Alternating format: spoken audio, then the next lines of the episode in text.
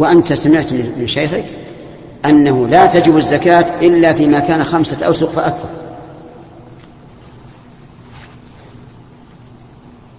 العالم اللي قال لك في مسألة السماء العشر حكم بما ظهر له. عنده حديث عام غير مقيد ولا مخصص. لكن معلمك عنده علم أوسع. قال هذا الحديث عام مخصص فيما بلغ النصاب. اللي يبلغ النصاب فيه الزكاة وما دونه ليس فيه الزكاة أفهمت؟ فهمت كلامي الآن وش الجواب؟ إيش؟ ما يخالف الكتب والأشرطة لا شك يعني إذا كان صوت العالم تعرفه وأن هذا صوته وأن تثق بعلمه وأمانته خذ خذ به لكن كلام الإنسان مثلا وثق بعالم وصار يتتلمذ على يديه ويحفظ دروسه ويقرأ عليه ويعتمد قوله. سمع عالما آخر يقول بخلاف قوله ويستدل. ليس له الحق أن يذهب إلى العالم الثاني حتى يراجع شيخه.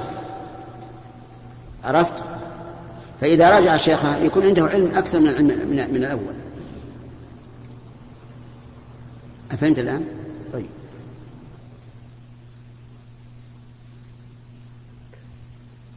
بالنسبة لشيخ الله يحفظكم ما يحدث غالبا بين الشباب ما يسمونه الحقوق؟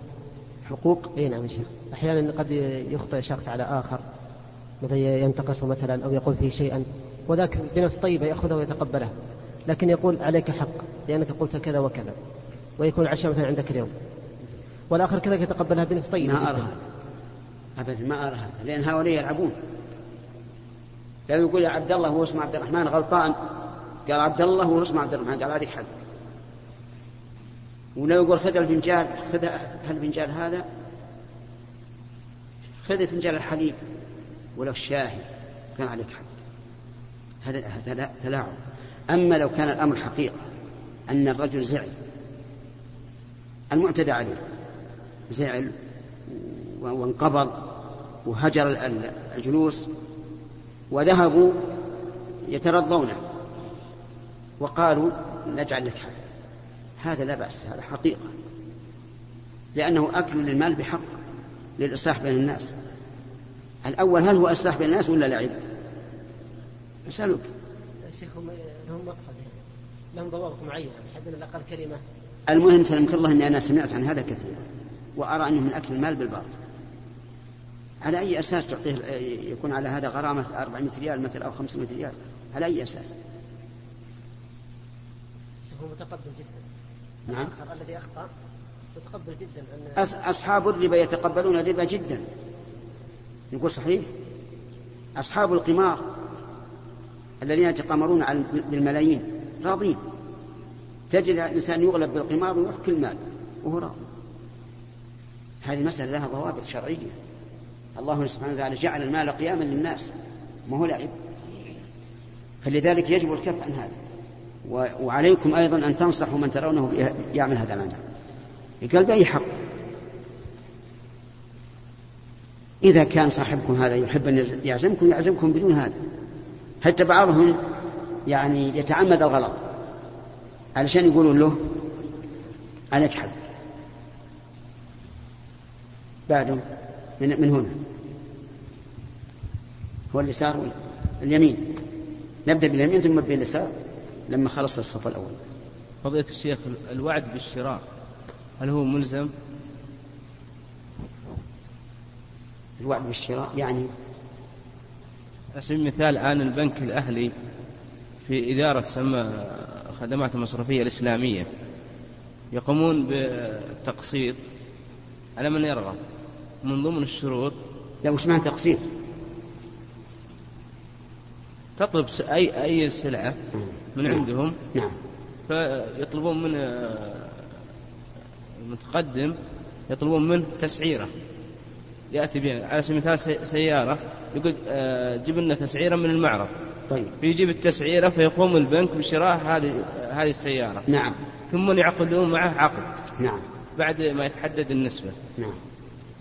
لو الشخص آه، غير راية عن هذا الشراء هم الآن بيبيعون السيارة البنك وإذا كان فيها خسارة يتحملها من باب الوعد بالشراء. هل هذا جائز يا شيخ؟ وش رأيك لو أن البنك قال لهذا الرجل أنا بعطيك خمسين ألف تشتري بها سيارة. على أن تكون بالتقسيط ستين ألف. ماذا تقول؟ حرام ولا حلال؟ هذا ربا يا شيخ. أسألك هو حلال ولا حرام؟ قبل نشوف ربا ولا مو ربا؟ حرام. حرام. طيب. أليس مثله بالضبط أن يقول اذهب وعين السيارة التي تريد وأنا أشريها بخمسين ألف وبيع عليك بستين ألف مقسطة نعم. مثله؟ هي دراهم بدراهم دخلت بينهما السيارة. ابن عباس يقول دراهم بدراهم دخلت بينهما حريرة ونقول دراهم بدراهم دخلت بينها سيارة يعني بدل من أن يأتي الربا صريحا مثل الشمس يأتيه بالحيلة. والحيلة يا إخواني على المحرمات أخبث من إتيان المحرمات بصراحة. أخبث. لأن جمعت بين مفسدة الحرام وبين خداع رب العالمين عز وجل. ولهذا قلب اليهود الذين تحيلوا على السبت قلبوا إيش؟ قردة وخنازير. لا قردة. قلنا لهم كونوا قردة خاسرين. يعني يا شيخ الآن لو ما ألزم أقول هذا حرام. وقولهم إن البنك لا يلزم هذا إذا اشتريت. هذا كلام فاضي. هل هذا الذي جاء للبنك وقال أبي السيارة فلانية هل يتصور أن أن يرجع؟ وهو محتاجه؟ لا. ما يتصور. وإذا قدر أن واحد بالمليون رجع فالبنك يحسبه بالقائمة السوداء. يكتب بالقائمة السوداء أن هذا لا يثق ببيع وشراء لكن والله الإنسان يأسف كثيرا أن الأمة الإسلامية بدأت تجرأ على الربا بالحيل والخداع ويخشى أن تظهر فيها أوجاع ليست في الأمم السابقة. ويخشى أن, أن, أن يضرب الله قلوب بعضهم ببعض. نعم. ما يخالف عندهم هيئة شرعية ما يخالف. الفتاوى وغيرها. المرد إلى من؟ الكتاب والسنة. الكتاب والسنة. كل إنسان يعرف من هذه الحيلة أقرب من حيلة اليهود. اليهود لما حرم الله لما حرم الله عليهم الشحوم ماذا ماذا فعل؟ قالوا نذوب الشحم فيصير ودكا. ثم نبيع الودك وناكل ثمنه شوف هذه الحيلة أبعد في يعني طريقين. ومع ذلك قال النبي صلى الله عليه وسلم قاتل الله اليهود. إن الله لما حرم عليهم شحومها أذابوه ثم باعوه وأكلوا ثمنه. ولكن هذا الواقع المؤلم مصداق قول النبي صلى الله عليه وسلم لتركبن سنن من كان قبلكم. قالوا اليهود والنصارى قال فمن وهو ارتكاب لما نهى عنه الرسول عليه الصلاة والسلام حيث قال لا ترتكبوا ما ارتكبت اليهود فتستحلوا محارم الله بأدنى الحيل نعم. طيب أعطها موسى. الله إليك يا سماحة الشيخ. ما رأيك في جماعة التبليغ؟ إيش؟ اي ما بقى له عشر دقائق. اصبر. شيخ هيئة كبار العلماء ليش ما قالت كيف اسأل الرئيس نعم. الله إليك يا شيخ. ما رأيك في جماعة التبليغ والذهاب معهم كمبتدئ لوجود بعض الأخطاء؟ أبك الله. طيب. هل لهذه الجماعة تأثير في هداية الناس؟ هداية الناس؟ إيه؟ أسمع ما أسألك هل عندها بدعة ولا لا أسألك هل لها تأثير في هداية الناس أو لا لا ها؟ لا هذا تكذيب بالواقع كلامك هذا تكذيب بالواقع والواقع أن لها تأثيرا عظيما في هداية الناس كم من فاسق صار مستقيما. وكم من كافر أسلم. هذا شيء ما ينكر أحد. إلا من اتخذ منهم موقفا معينا فإن الحسنات تكون سيئات. وهذا معروف كما قال الشاعر وعين الرضا عن كل عيب كليلة. كما أن عين السخط تبدي المساوي حدثني من أثق به عن شخص لا أثق به إلا في هذه القضية. كان له ابن أخت فاسقا فاجرا ما من معصية ذكرت إلا ارتكبها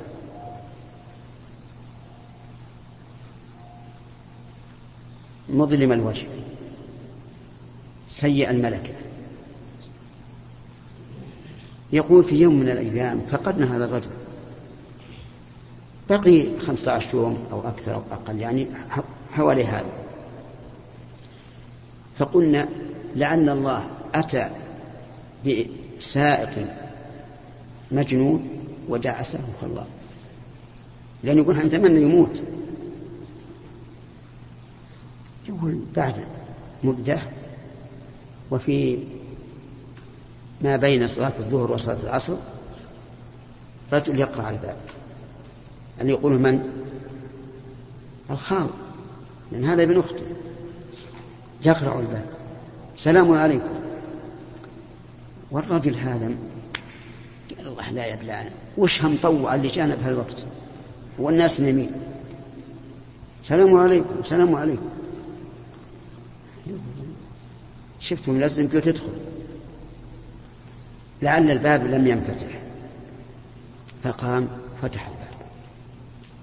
وإذا بالرجل البهي المنور وجهه الملتحي وش أنت؟ قال أنا ابن أختك.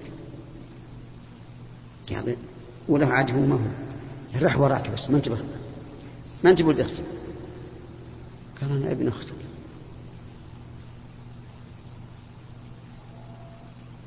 تبع لك الآن. حجر البيت وغرف البيت وحمامات البيت وأنواع الفرش في البيت. تعال. واضح. أنه يعرف.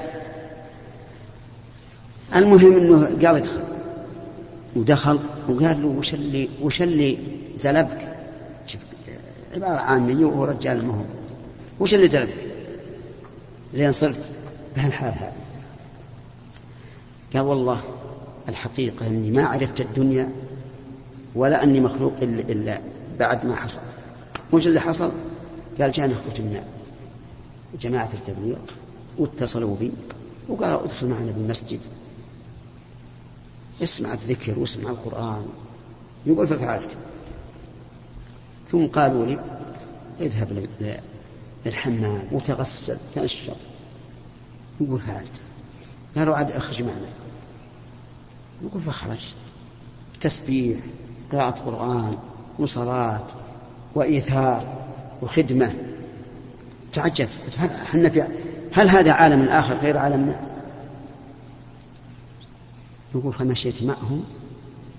وسبحان الله. عرفت الآن أنني في الدنيا. استنار قلبي وهداني الله. سبحان الله. وقصص كثيرة من, من هذا النوع أو قريب منه. فلهم تأثير بالغ لكن هم فيهم مسألتان. المسألة الأولى الجهل. المسألة الأولى الجهل. ما عندهم علم. قد يكون في أفراد منهم علم لكن غالبهم ما عندهم علم. الثاني ما يذكر من البدع في القوم الذين خارج البلاد السعودية. على أن هذا غير مسلم لأنه فيه أناس من أهل القصيم ذهبوا إلى الأمكنة ذيك ويقولون والله ما رأينا شيء.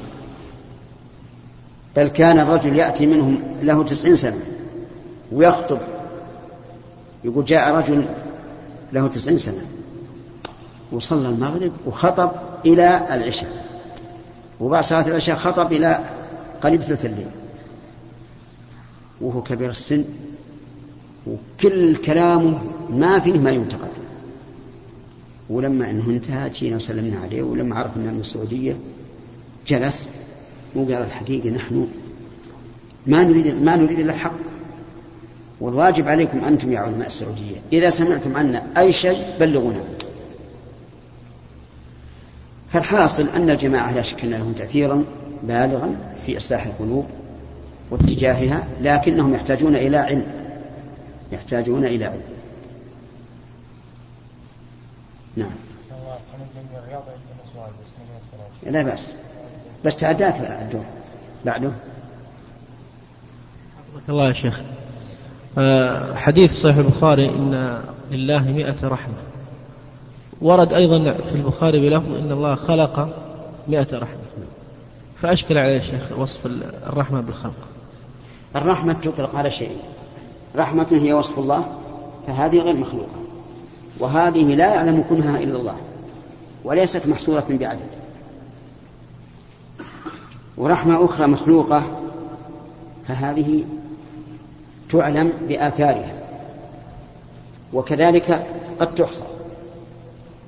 ومن ذلك قول الله تبارك وتعالى للجنة أنت رحمتي أرحم بك من أشاء. مع أن الرحمة الجنة ما هي صفة صفة الله فالمقصود بهذه الرحمة المئة رحمات المئة رحمات مخلوقة. يلقيها الله تبارك وتعالى على الخلق. فألقى عز وجل رحمة في الدنيا. تتراحم بها الخلائق حتى أن البهيمة لترفع إيش؟ حافرها عن ولدها خشية أن تصيبه. ونحن رأينا من هذا عجائب. حتى الذر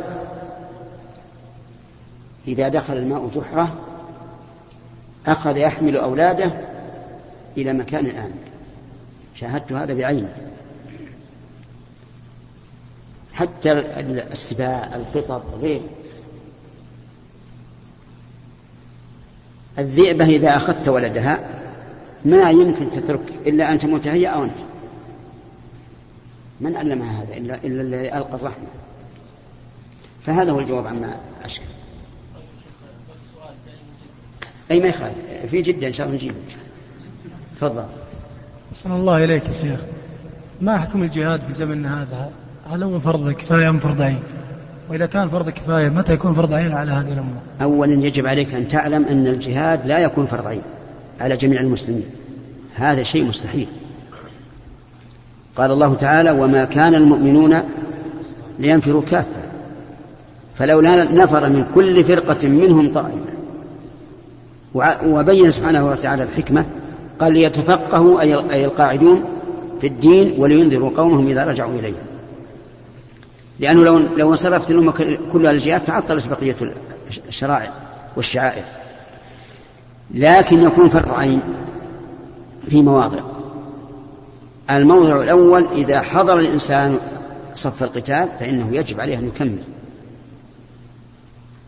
قال الله تبارك وتعالى يا أيها الذين آمنوا إذا لقيتم الذين كفروا زحفا فلا تولوهم الأدبار ومن يولهم يومئذ دبره إلا متحرفا لقتال أو متحيزا إلى فئة فقد باء بغضب من الله ومأواه جهنم وبئس المصير. هذه واحدة. آه، الموضع الثاني إذا حصر العدو بلده فهنا يجب عليه أن يقاتل دفاعا عن نفسه وبلده الإسلامي.